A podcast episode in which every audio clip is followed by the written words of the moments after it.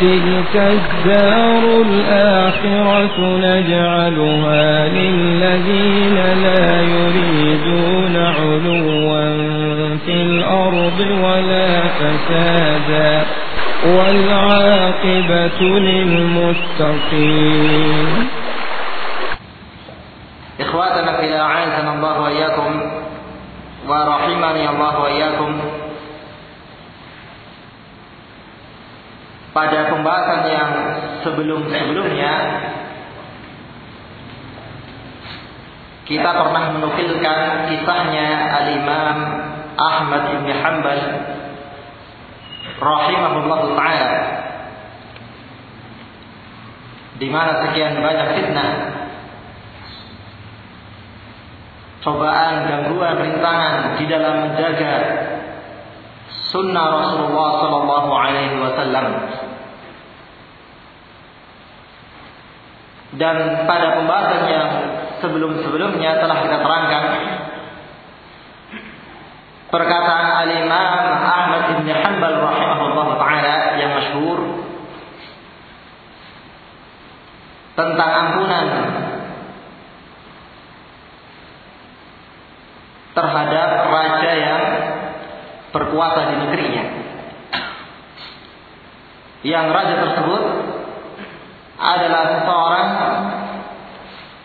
yang ikut andil di dalam menyiksa al-Imam Ahmad bin Hanbal rahimahullah taala. Demikian pula uh, demikian pula maafnya al-Imam Ahmad bin Hanbal terhadap tukang cambuknya Adapun kepada pentolan ahli ahwa yang menyebabkan dengan subhatnya akhirnya sang raja memerintahkan tukang cambuknya untuk kemudian mencambuk al-Imam Ahmad bin Hanbal rahimahullah taala maka beliau tidak memaafkannya. Kisah yang sebelumnya telah kita sebutkan dan kalau nggak salah pada pembahasan yang sebelumnya kita nukilkan bahwasanya nama daripada pentolan ahli ahwa yang tidak diampuni oleh al-Imam Ahmad bin Hanbal rahimahullah taala itu bernama Jahal ibn Safwan. Yang betul adalah ibnu Abi Du'an. Adapun Jahal ibn Safwan ini hidup pada zaman Khalifah Khalid bin Abdullah Al-Ghushari rahimahullah taala. Perkataan yang masyhur dari beliau rahimahullah taala seorang khalifah pada zamannya. Di mana ketika pada yaum yaumil adha beliau berkhutbah dan di antara khutbah yang disebutkan oleh beliau rahimahullah taala adalah ya ayyuhan nas dhahu dhuhayakum Wahai sekalian manusia, hendaklah kalian menyembelih binatang sesembelihan kalian. Wa ana mudahin al-yawma bi Ja'ad ibn Dirham, bukan Ja'ad ibn Sofan ya. Dengan Ja'ad ibn Dirham. Ini ikhwatana fil a'azan Allah wa yakum.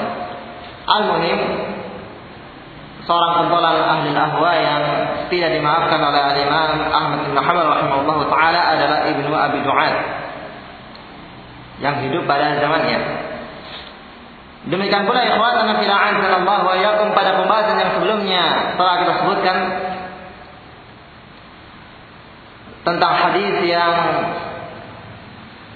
disebutkan oleh Syekh Al-Albani rahimahullah taala dalam kitab beliau yang masyhur sifat salat Nabi sebuah doa iftitah yang dikeluarkan oleh al-Imam An-Nasa'i rahimahullah taala demikian pula Ad-Darqutni dengan sanad yang sahih. Disahihkan oleh Syekh Al-Albani rahimahullah taala. Doa yang disebutkan oleh Rasul sallallahu alaihi wasallam, Allahumma Allahumma hdini li ahsanil akhlaqi wa ahsanil a'mal. Yahdi li ahsaniha illa anta. وقني سيء الأخلاق والأعمال لا يقي سيئها إلا أنت dalam doa ini khawatana fil a'azanallahu wa iyyakum diambil faedah bahwasanya akhlakul karimah adalah berasal dari sisi Allah Subhanahu wa taala. Yang Allah berikan kepada hamba-hambanya yang meminta kepada Allah Subhanahu wa taala. Kebaikan, kenikmatan yang didapatkan oleh seorang hamba apakah kenikmatan dunia, rezeki yang halal apakah kenikmatan agama ini berupa iman, demikian pula akhlakul karimah di antaranya adalah nikmat yang berasal dari sisi Allah Subhanahu wa taala. Kata Allah Subhanahu wa taala, "Wa ma bikum min ni'matin Allah." Dan apa yang menimpa kalian dari satu kenikmatan, maka itu datangnya adalah dari sisi Allah Subhanahu wa taala. Demikian pula firman Allah Subhanahu wa taala, "Wa ma asabaka min hasanatin famin Allah." Dan apa saja yang menimpa engkau berupa kebaikan, datangnya adalah berasal dari sisi Allah Subhanahu wa taala.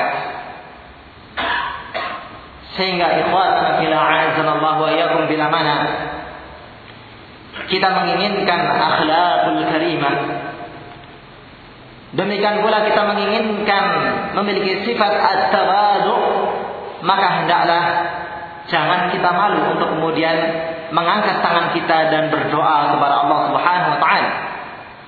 Minta diberi akhlakul karimah. Minta agar supaya tabiat kita yang kita merasa mungkin pada sebagian tabiatnya adalah bertentangan dengan akhlakul karimah adanya kesombongan, kecongkakan dan yang semisalnya maka kita minta kepada Allah Subhanahu wa taala agar supaya Allah Subhanahu wa taala membersihkannya dan menghilangkannya. Kita ingat ikhwatana fil Allah wa kisahnya Umar ibn al-Khattab radhiyallahu taala anhu sebelum masuk Islam Beliau adalah seorang yang sangat antipati kepada dakwahnya Rasulullah Sallallahu Alaihi Wasallam. Demikian pula sangat tidak suka terhadap orang yang menerima dakwahnya Rasulullah Sallallahu Alaihi Wasallam.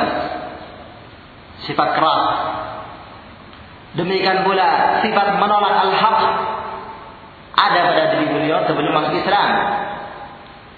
Tapi subhanallah Ketika Rasulullah Shallallahu Alaihi Wasallam berdoa kepada Allah Subhanahu Wa Taala, Allahumma a'izzil Islam bi ahadi ar-rajulaini ayyuhuma ahabbuhuma ahabbu ilaika ataukah bi bi ahabbi ar-rajulaini ilaika Ya Allah muliakanlah Islam ini dengan lantaran dua orang mana di antara keduanya yang paling kau cintai wahai Allah Subhanahu wa taala yang pertama dengan Umar bin Khattab ataukah dengan Abu Jahal bin Hisham sebagai tokoh pentolan orang-orang kufar Quraisy yang berada di barisan terdepan untuk kemudian memusuhi dan memusnahkan dakwahnya Rasulullah Sallallahu Alaihi Wasallam. Subhanallah. Ternyata orang yang dipilih oleh Allah Subhanahu Wa Taala adalah Umar bin Khattab radhiyallahu taala anhu. Bagaimana ikhwatana fil Allah wa yakum sifat menolak al-haq, sombong terhadap al-haq dan merendahkan ahli al-haq ketika Rasulullah sallallahu alaihi wasallam berdoa kepada Allah Subhanahu wa taala maka sungguh-sungguh Allah Subhanahu wa taala telah merubah tabiatnya Umar bin Khattab menjadi seorang sahabat yang mulia yang sangat berbakti kepada Rasulullah sallallahu alaihi wasallam dan membela Rasulullah Shallallahu Alaihi Wasallam. Demikian pula sifat at-tawadu ada pada diri beliau radhiyallahu taala anhu. Ini ikhwatana fil Allah wa iyyakum. Ini menjelaskan kepada kita hendaklah tak henti-hentinya kita minta hidayah kepada Allah Subhanahu. Demikian pula kita minta at-taqwa pula kepada Allah Subhanahu wa taala. Rasulullah sallallahu alaihi wasallam sebagai khalilullah sekaligus sebagai Rasulullah orang yang dipasrahi amanah wahyu oleh Allah Subhanahu wa taala.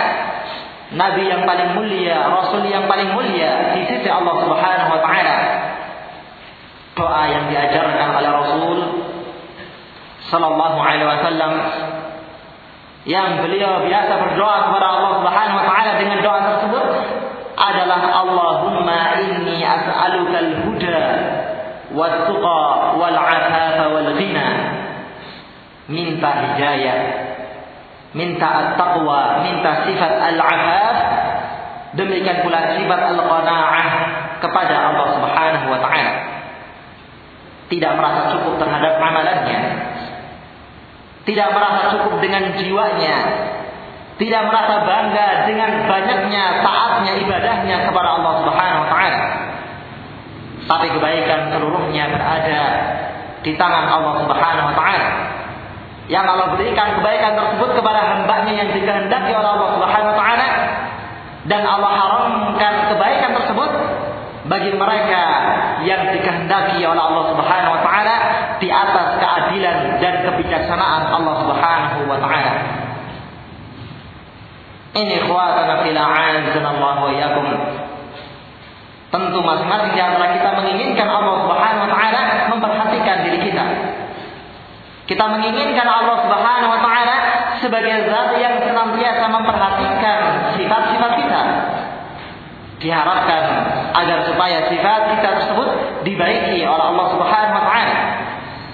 Diharapkan agar supaya tabiat-tabiat kita yang biasa kita lakukan yang menyelisih akhlakul karimah pun juga dibaiki oleh Allah Subhanahu wa taala. Jangan ada seorang yang menganggap bahwasanya masuknya dirinya ke dalam al-jannah adalah berdasarkan amalannya bukan berdasarkan rahmat dan karunia Allah Subhanahu wa taala. Dalam sebuah hadis yang sahih dikeluarkan oleh Al-Imam Muslim rahimahullah taala Rasulullah sallallahu alaihi wasallam bersabda, "La yadkhulul jannata ahadun bi'amalihi." Tidak ada salah seorang pun yang bisa masuk ke dalam al-jannah semata-mata dengan amalannya. Semata-mata dengan amalannya. Maka para sahabat Rasulullah Shallallahu Alaihi Wasallam mengatakan kepada beliau Shallallahu Alaihi Wasallam, wala anta ya Rasulullah, tidak pula engkau wahai Rasul. Dalam artian engkau masuk ke dalam surga pun juga bukan berdasarkan amalanmu. Maka Rasulullah Shallallahu Alaihi Wasallam bersabda, Naam wala ana illa ayyataghammadani Allah bi rahmatin minhu wa fadlin. Benar demikian pula aku tidak bisa masuk ke dalam jannah dengan amalanku melainkan dengan rahmat Allah Subhanahu wa taala yang Allah berikan kepada hambanya. Dengan sebab itulah dirinya bisa masuk ke dalam surga Allah Subhanahu wa taala. Hadis yang lainnya ikhwatana fil Allah wa iyyakum Rasulullah sallallahu alaihi wasallam bersabda, "Man nuqisal hisabu 'udziba." Barang siapa yang hisabnya diperinci oleh Allah Subhanahu wa taala, pasti dan pasti dirinya akan diazab oleh Allah Subhanahu wa taala. Ketika menjalankan kejelekan, maka diberi balasan. Ketika menjalankan kebaikan, maka diberi ganjaran oleh Allah Subhanahu wa taala. Demikian dirinci hisabnya. Maka Rasulullah Shallallahu Alaihi Wasallam bersabda, tidak ada seorang pun yang dirinci hisabnya melainkan uzziba akan diazab oleh Allah Subhanahu Wa Taala. Dalam keadaan ikhwatan fil Allah wa iyyakum kita ketahui bahwasanya seorang hamba apabila mengamalkan satu kebaikan terkadang dilipat gandakan menjadi 10 kali lipatnya Terkadang seratus kali lipatnya, terkadang berkali lipat banyaknya di sisi Allah Subhanahu wa taala. Tapi kalau seandainya Allah Subhanahu wa taala setiap kejelekan yang dilakukan oleh seorang hamba tersebut dirinci dan diberikan ganjaran dosa, maka pasti dan pasti amalan kebaikannya tidak bisa mencukupi dari amalan kejelekan tersebut. Yang ada ikhwatana fila Allah wa sebagai rahmat yang Allah Subhanahu wa taala berikan kepada hamba yang beriman kepada Allah Subhanahu wa taala dalam sebuah hadis yang sahih di mana Rasulullah sallallahu alaihi wasallam menyebutkan tentang penghisaban seorang hamba yang beriman kepada Allah Subhanahu wa taala. Allah akan mengatakan kepada dirinya, "Ata'rifu dzamba kadza?" Ata'rifu dzamba? Apakah engkau mengetahui dosamu ini? Apakah apakah engkau mengenal dosamu yang itu? Maka hamba itu mengatakan, "Rabbi a'rif." Ya Rabbu, aku mengetahuinya, mengenalinya. Sehingga ketika dirinya menyangka bahwasanya dirinya akan segera dibinasakan oleh Allah Subhanahu wa taala, maka dengan rahmat Allah Subhanahu wa taala Allah mengatakan kepada hamba tersebut, "Fa inni qad satartuha 'alaika fid dunya wa ana aghfiruha lakal yawma." Sesungguhnya aku di engkau berada di dunia telah menutupi dosamu tersebut sehingga tidak dilihat oleh yang lainnya. Adapun pada hari ini aku akan mengampuninya untuk dirimu. Subhanallah. Penghisaban yang dialami oleh seorang hamba yang beriman kepada Allah Subhanahu wa taala di mana Allah Subhanahu wa taala hanya menampakkan dan memperlihatkan kesalahannya kemudian ketika dirinya mengakuinya maka Allah Subhanahu wa taala memberikan ampunan kepada hamba tersebut ini ikhwatana fil a'azzanallah wa menunjukkan demikian butuhnya kita terhadap rahmat Allah Subhanahu wa taala menunjukkan demikian tidak adanya perasaan cukup pada diri kita terhadap curahan rahmat Allah Subhanahu wa taala. Dikeluarkan oleh Imam Bukhari rahimahullah taala ketika Nabi Ayub alaihi salatu wassalam disembuhkan dari penyakitnya oleh Allah Subhanahu wa taala. Kata Rasulullah sallallahu alaihi wasallam, "Fa bainama Ayyub alaihi salatu wassalam yaghtasilu uryana, fa kharra alaihi jaradun jaradun min dhahabin." Tatkala Ayyub alaihi salatu wassalam mandi dalam keadaan telanjang, maka tiba-tiba saja Allah Subhanahu wa taala jatuhkan kepada dirinya belalang-belalang yang terbikin dari emas. Maka Ayub alaihi salatu wassalam mulai mengumpulkan belalang tersebut dan mengumpulkannya di bajunya. Maka ketika Allah Subhanahu wa taala melihat bagaimana Ayub alaihi salatu wassalam mengumpulkan apa yang Allah Subhanahu wa taala berikan kepada dirinya, maka Allah Subhanahu wa taala mengatakan kepada dirinya, "Ya Ayub, alam Wahai Ayub, apakah engkau tidak mengetahui, apakah tidak melihat bahwasanya aku telah mencukupi dirimu atas apa yang kau lihat? Maka Ayub alaihi salatu wasalam mengatakan bala wa izzatika walakin la ghina bi an barakatika. Benar wahai Allah Subhanahu wa taala demi kemuliaanmu. Akan tetapi tidak ada perasaan cukup pada diriku atas berkah yang kau berikan kepada diriku. Ini ikhwatana fila azanallahu wa yakum. Kita yakin, seyakin-yakinnya, pasti dan pasti. Apabila seorang hamba mengadahkan tangannya, mengangkat tangannya, minta kepada Allah Subhanahu wa taala, apa pun bentuknya pasti dan pasti dikabulkan oleh Allah Subhanahu wa taala. Wa idza sa'alaka 'ibadi 'anni fa inni qarib. Ujibu da'wata da'i idza da'an. Kalaulah seandainya hambaku tersebut menanyakan tentang diriku, maka katakanlah kepada mereka, sesungguhnya aku maha dekat terhadap mereka. Yang aku pasti dan pasti akan mengabulkan apa yang mereka doakan tersebut. Pengikraran janji dari sisi Allah Subhanahu wa taala kepada hambanya yang beriman kepada Allah Subhanahu wa taala. Ini khuatana fil a'azanallahu wa yakum. Kemudian pada pembahasan yang sebelumnya telah kita terangkan bahwasanya as-tawadhu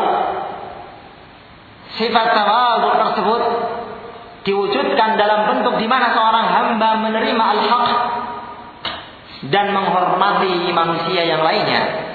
Dia muliakan. Terkadang dia lebihkan atas dirinya.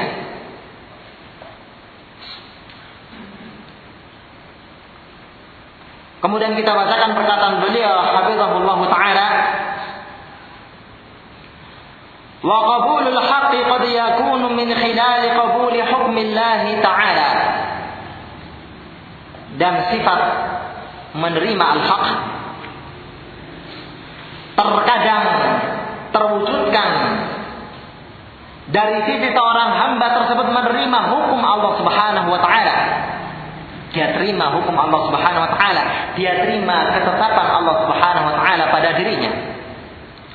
Minal kitab wa sunnah, apakah hukum tersebut diambil dari kitab Allah Subhanahu wa taala yaitu Al-Qur'an ataukah dari sunnah Rasulullah sallallahu alaihi wasallam berupa hadis-hadisnya?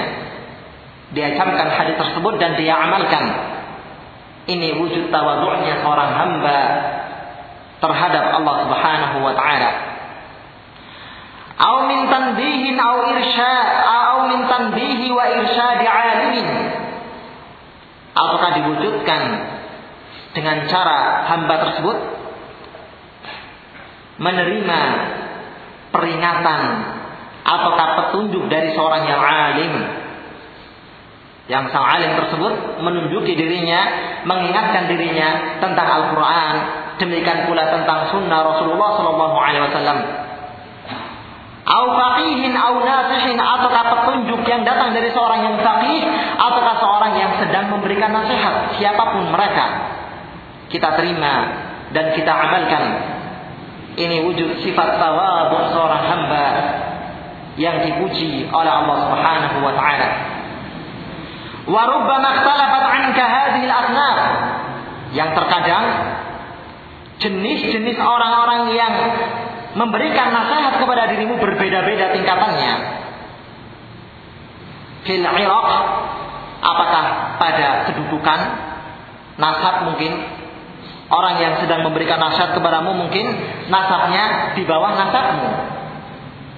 Awisin apakah dari segi umurnya mungkin orang yang memberikan nasihat kepada dirimu adalah orang yang lebih muda usianya dibandingkan dirimu maka sifat tawadhu adalah tidak melihat tentang jenis orang yang sedang memberikan nasihat atau arahan kepada dirinya, tapi melihat apa yang diucapkan oleh dirinya. Dia camkan dan dia amalkan. Awil mansab ataukah dilihat dari segi kedudukannya, awil jah ataukah pangkatnya. Awil mustawil nadi ataukah ada kesamaan derajat sama-sama umur kedudukan, pangkat, ataukah kekayaannya. Fala yasuddannaka syai'un min dzalika 'anil haqq. Maka janganlah sekali-kali menghalangi dirimu dari perkara-perkara tersebut untuk engkau menerima al-haq. Engkau terima al-haq tersebut dari mana datangnya al-haq? Apakah diucapkan oleh orang yang di bawah derajatmu? Apakah di bawah kekayaanmu, kedudukan, ataukah yang lainnya? Karena ikhwatana fil Allah wa yakum terkadang yang namanya al-jah, kedudukan. Yang namanya al-mal, kekayaan ataukah yang misalnya terkadang membawa seseorang hamba untuk kemudian menolak al-haq dan tidak memiliki sifat at-tawadu yang ada adalah sifat al-mutakabbir al-jabbar seorang yang sombong, congkak, kaku terhadap hamba-hamba Allah Subhanahu wa taala. Allah Subhanahu wa taala berfirman menjelaskan tentang permasalahan tersebut, "Kalla innal insana la yadgha ar-ra'ahu istaghna." Sekali-kali tidak sesungguhnya manusia tersebut sungguh mereka melakukan perbuatan togha melampaui batas melanggar hukum Allah Subhanahu wa taala melakukan kezaliman dan yang semisalnya ar-ra'ahu tatkala mereka melihat diri mereka dalam keadaan hina, tidak butuh kepada yang lainnya, kaya dan yang semisalnya. Ini kuatana fila Allah wa yakum. Sehingga dari ini kita melihat bagaimana muallif Habibullah Ta'ala pada muqaddimah kita tersebut meminta kepada Allah Subhanahu wa taala agar supaya Allah Subhanahu wa taala membangkitkan dirinya dari golongan orang-orang yang miskin. Antum bisa melihat pada halaman yang ke-8. pada akhir muqaddimah yang disebutkan oleh muallif hafizahullah taala menunjukkan kepada kita ikhwatan fil Allah wa yakum terkadang dengan kemiskinan seseorang tersebut lebih mudah untuk kemudian menerima al-haq. Terkadang dengan kemiskinan membawa seseorang tersebut bisa menghormati hak yang lainnya. Memiliki sifat tawadhu, rendah hati kepada orang yang berada di hadapannya. Maka kita melihat dalam sebuah hadis yang sahih dikeluarkan oleh Al-Imam Muslim rahimahullahu taala Bagaimana balasan seorang yang ailun mustakbir, seorang yang miskin, tapi memiliki sifat mustakbir, sombong. Menyelisihi adat kebiasaan orang yang miskin. Bagaimana balasannya di sisi Allah Subhanahu wa taala bahwasanya mereka adalah orang-orang yang la yukallimuhumullahu yaumal qiyamah wa la yuzakkihim wa lahum azabun alim. Tidak akan diajak bicara oleh Allah Subhanahu wa taala pada yaumul qiyamah. Demikian pula Allah Subhanahu wa taala tidak mensucikan jiwa mereka dan bagi mereka adab yang pedih. Di antaranya adalah mustakbir, seorang yang miskin tapi sombong. Ini ikhwatana fil Allah wa yakum. Wa in kana tawadu'u qabul al-haqqi wa 'adam raddih. Kalau seandainya tawadhu tersebut adalah sifat menerima al-haq dan tidak menolaknya, maka wal haqqu kullu ma jaa min al-kitab wa sunnah. Adapun al-haq adalah seluruh yang datang dari al-kitab, demikian pula dari sunnah Rasulullah sallallahu alaihi wasallam. Kalau kita ikhwatan fil Allah wa yakum menginginkan memiliki sifat ihtiram, menghormati manusia yang lainnya, seorang yang beriman kepada Allah Subhanahu wa taala, maka kita melihat hadis-hadis Rasulullah Shallallahu Alaihi Wasallam yang berisikan anjuran untuk kemudian kita menghormati hak seorang yang lainnya.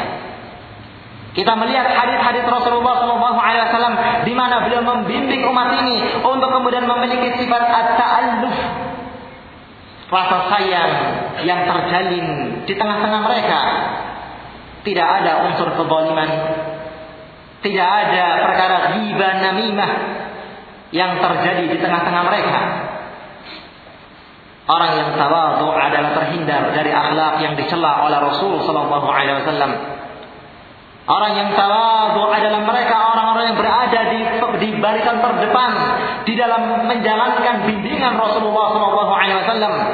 Apakah dalam permasalahan kewajiban-kewajiban dia jalankan, ataukah dalam permasalahan hukum-hukum Allah Subhanahu Wa Taala maka dirinya meninggalkannya, ataukah dalam permasalahan akhlakul karimah akhlak-akhlak yang dipuji oleh Allah Subhanahu wa taala dipuji oleh Rasul sallallahu alaihi wasallam maka dirinya menjalankannya. Ini adalah sifat at-tawadhu. Ini ikhwatana fil Allah wa yakum.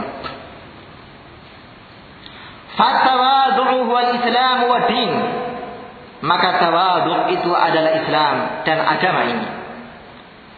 Kalau seorang ingin memiliki sifat tawadu, maka dirinya harus tunduk terhadap hukum Allah Subhanahu wa taala dan hukum Rasulnya. Maka berarti dirinya telah menjalankan seluruh ajaran yang ada di dalam Islam. Dia jalankan dengan penuh pasrah mengharapkan wajah Allah Subhanahu wa taala. Wa huwa ala maratib maka sifat tawadu tersebut bertingkat-tingkat. Terkadang seseorang tingkatan tawadhu'nya lebih atas yang lainnya. Terkadang seorang memiliki sifat tawadhu itu di bawah derajat yang lainnya. Faqad yatawadhu al-mar'u wa yasmu fi dzalika hatta yakuna muhsinan. Maka terkadang seseorang memiliki sifat tawadhu yang kemudian akhirnya sifat tersebut menjadi sifatnya sampai akhirnya ketika dirinya menjalankannya maka dirinya menjadi seorang yang muhsin seorang yang menempati derajat ihsan tingkatan tertinggi di dalam Islam. Au rubbama kana fil manzilati adna min dzalika fayakunu mu'minan. Terkadang dirinya menempati posisi yang di bawah derajat tersebut? Maka dirinya menjadi seorang hamba yang dikatakan beriman tidak dikatakan sebagai seorang yang muksin au duna dzalika fayakunu musliman. Apakah di bawah derajat tersebut maka dirinya menjadi seorang yang muslim. Tingkatan Islam ikhwatana fil a'azzanallahu wa yakum yang diajarkan Jibril alaihi salatu wasalam terhadap Rasulullah sallallahu alaihi wasallam dalam hadis yang masyhur. Yang pertama adalah Islam. Ini tingkatan yang paling bawahnya. Yang di atasnya adalah iman dan yang di atasnya adalah ihsan. Apa rukun ihsan? Hah? Antum, apa rukun ihsan? Hah? Masya Allah. Hah, wasadikin, apa rukun ihsan?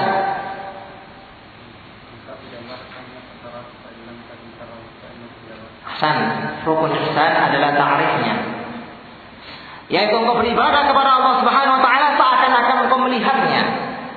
Dan kalau seandainya engkau tidak melihat Allah Subhanahu wa taala, maka ketahuilah Allah melihatmu. Ini ihsan.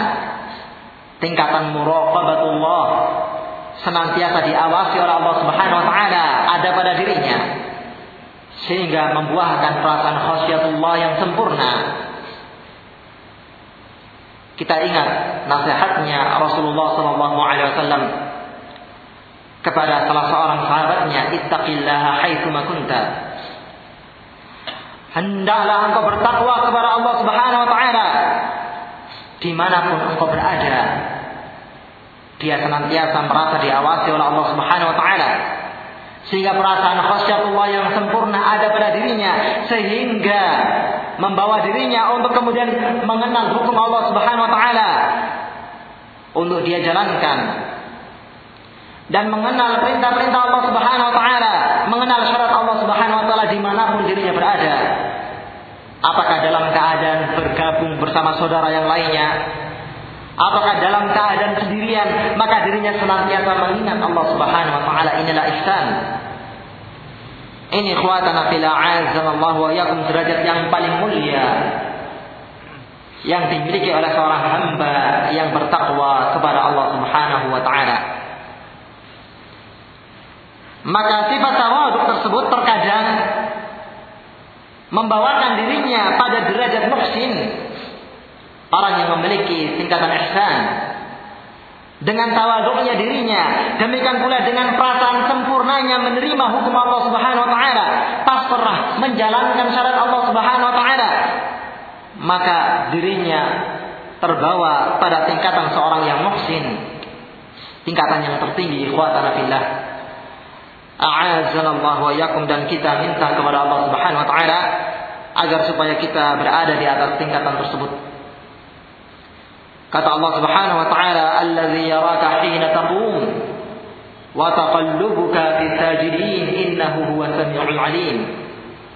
Dialah Allah Subhanahu wa taala zat yang melihatmu dalam keadaan engkau salat.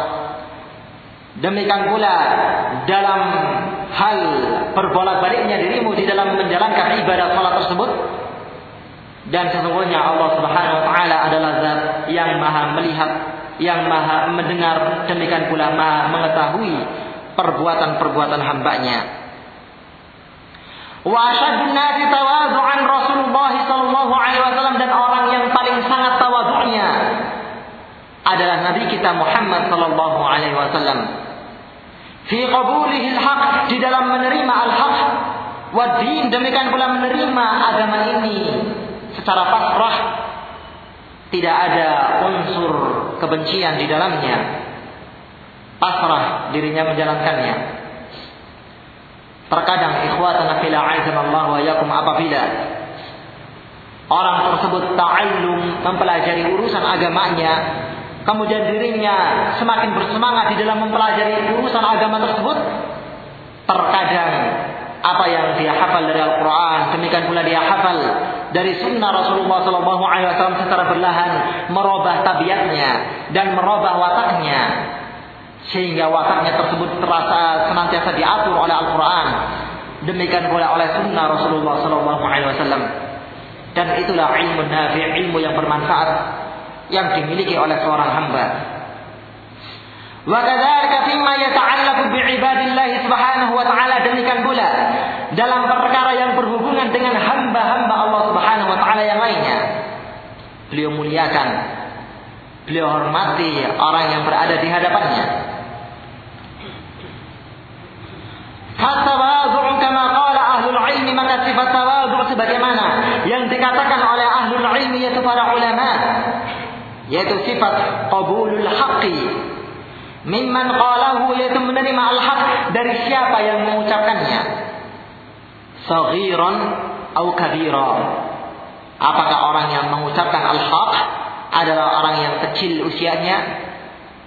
Ataukah yang lebih tua atas dirinya?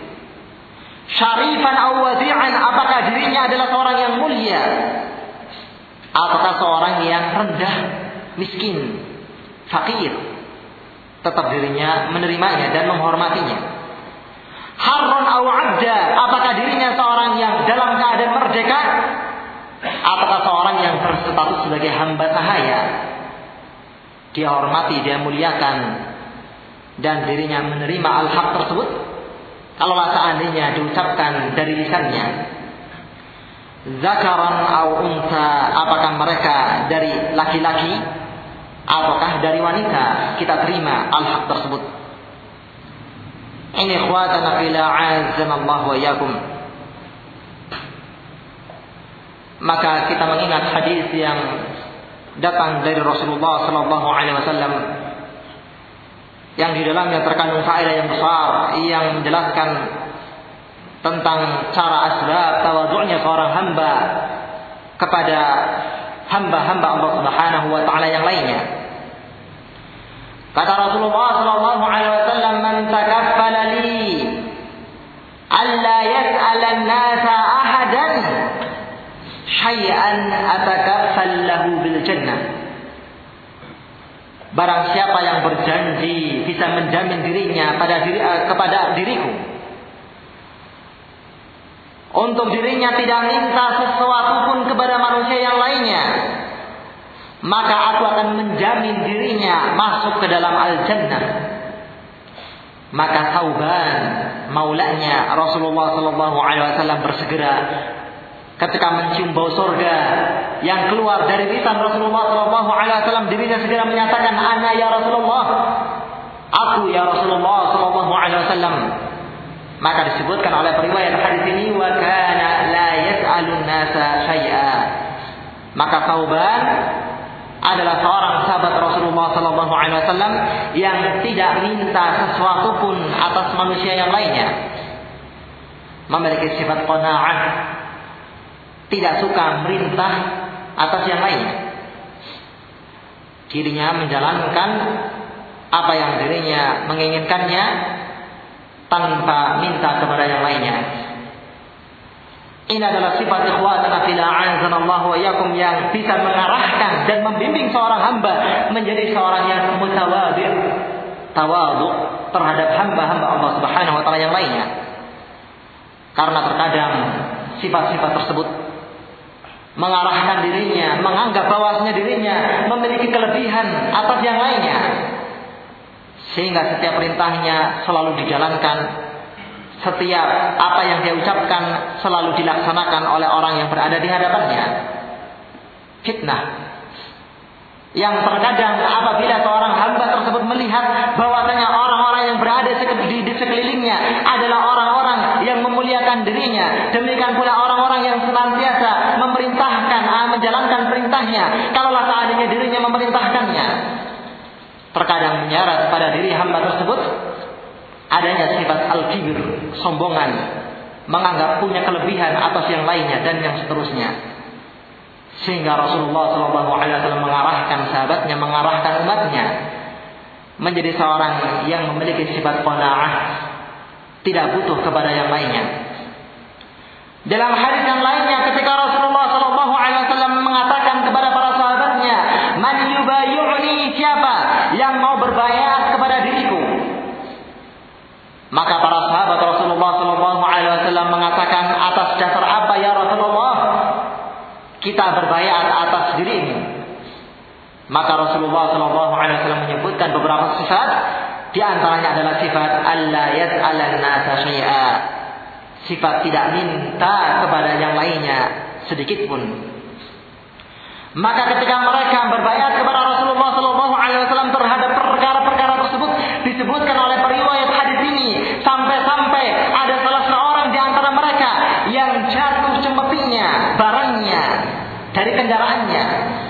minta yang lainnya untuk kemudian mengambilnya, mereka langsung turun dan mengambil barangnya tersebut tanpa minta kepada yang lainnya. Subhanallah. Sifat tawadhu yang mulia. Sifat qanaah yang mulia yang dibimbing oleh Rasul sallallahu alaihi wasallam dalam sebuah hadis yang sahih dikeluarkan oleh Imam Al-Bukhari dan Muslim Rasulullah sallallahu alaihi wasallam bersabda, "Laisal ghina an kathratil 'ardi, walakinnal ghina ghina nafsi." Sesungguhnya bukanlah orang yang kaya tersebut adalah orang yang banyak hartanya. Akan tetapi orang yang kaya adalah orang-orang yang kaya hatinya, merasa cukup, tidak butuh terhadap bantuan yang lainnya. Ini ikhwatana fila azanallahu wa yakum. Sehingga kalau seandainya kita membaca sebagian hadis yang datang dari Rasulullah wasallam di mana ketika ada salah seorang yang ingin masuk Islam dan ingin bertemu kepada Rasulullah Sallallahu Alaihi Wasallam dalam keadaan dirinya belum pernah melihat mukanya Rasulullah Sallallahu Alaihi Wasallam, maka mereka datang kepada sekelompok sahabat Rasulullah Sallallahu Alaihi Wasallam. Dalam keadaan Rasulullah Sallallahu Alaihi Wasallam berada pada kelompok tersebut atau sekumpulan sahabat tersebut, tapi dirinya tidak mengetahuinya, tidak mengenalinya, karena tidak ada perkara yang lebih atas Rasulullah Shallallahu Alaihi Wasallam atas yang lainnya. Sehingga dirinya bertanya kepada sahabat tersebut, Aina Rasulullah? Di mana Rasulullah Shallallahu Alaihi Wasallam? Maka sahabat ini menunjukkan, lihatlah kepada orang tersebut. Itu adalah Rasulullah Shallallahu Alaihi Wasallam. Ini menggambarkan kepada kita ikhwatana fil a'azanallahu wa yakum tawadhu'nya Rasulullah sallallahu alaihi wasallam. Dirinya tidak menginginkan adanya kelebihan pada dirinya atas sahabat Rasulullah Shallallahu Alaihi Wasallam. Dari segi pakaiannya disamakan dengan pakaian sahabatnya. Dari segi penampilannya dari segi sifatnya disamakan dengan sifat sahabat yang lainnya. Terkadang seorang yang tidak mengenal Rasulullah Shallallahu Alaihi Wasallam ketika melihat Rasulullah bersama para sahabatnya mereka tidak mengenali dan tidak paham tidak tahu mana Rasulullah Shallallahu Alaihi Wasallam dari sekumpulan dari sekumpulan sahabat Rasulullah Shallallahu Alaihi Wasallam yang lainnya ini ikhwatana fil Allah wa yakum. Demikian pula diriwayatkan Abdurrahman Ibni Auf radhiyallahu taala anhu.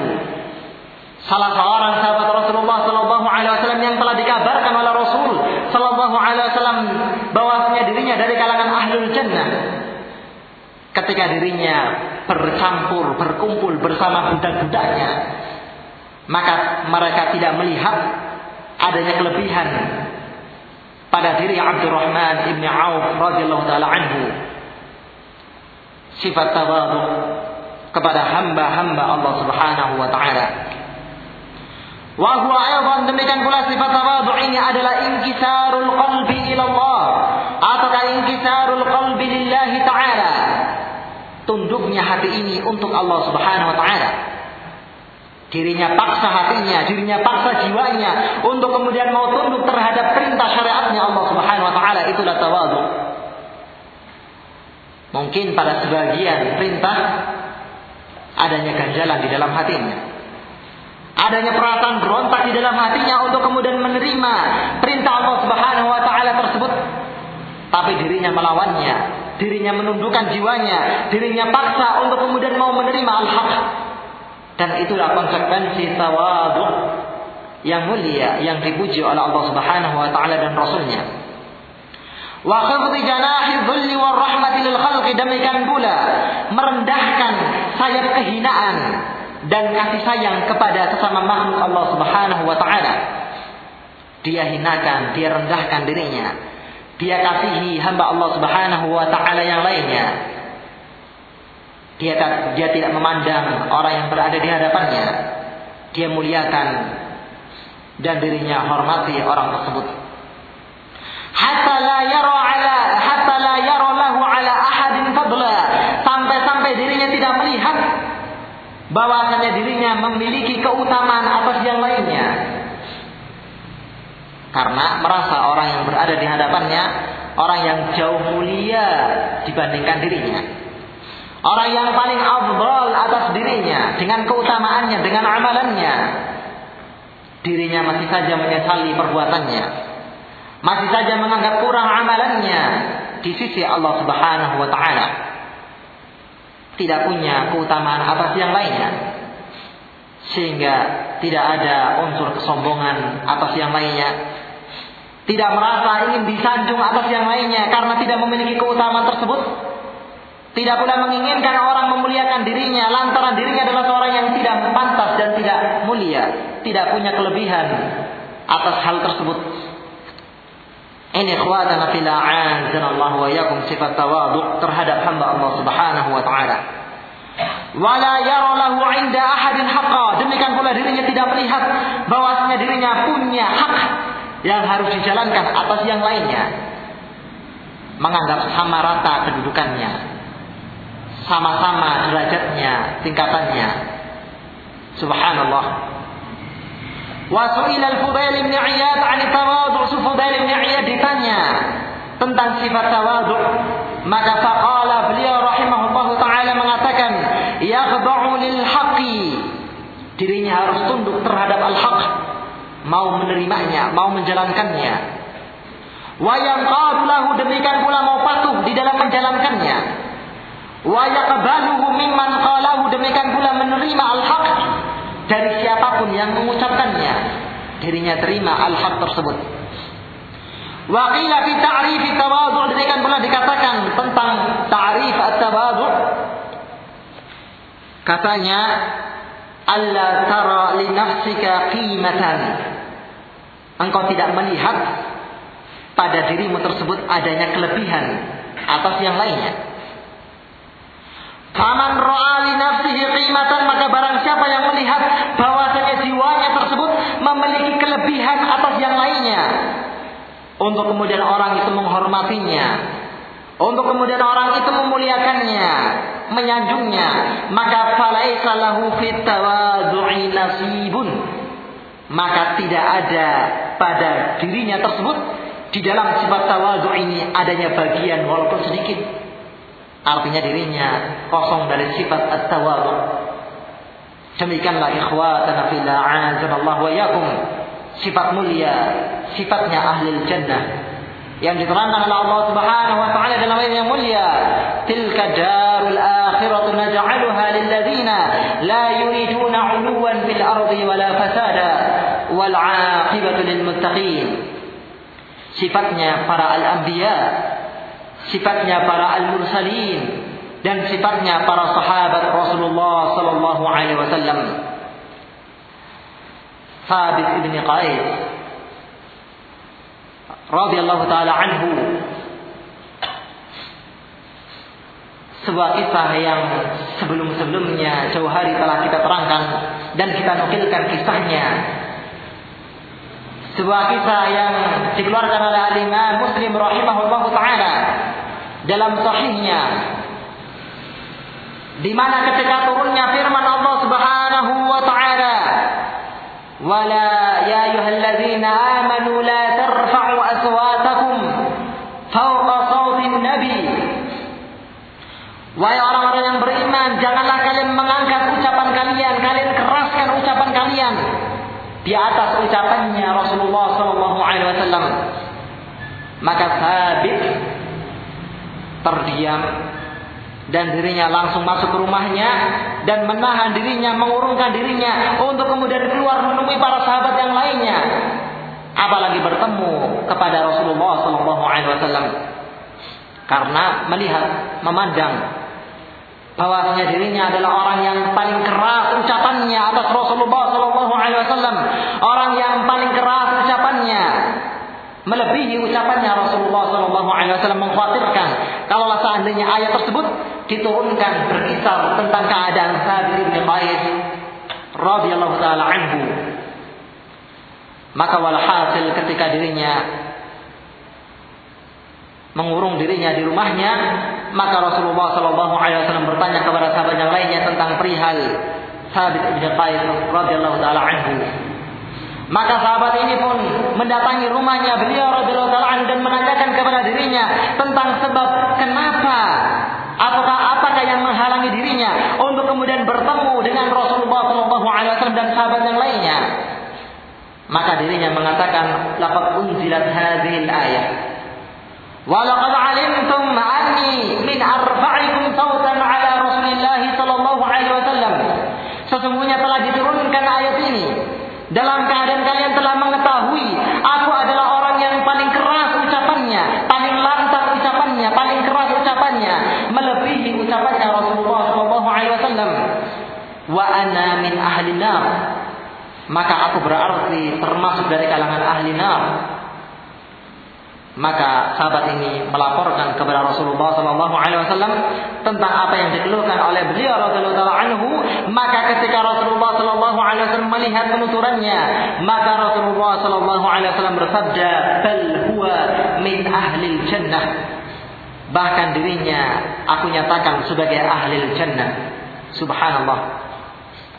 Sifat menganggap rendah dirinya sifat menganggap tidak mulia dirinya.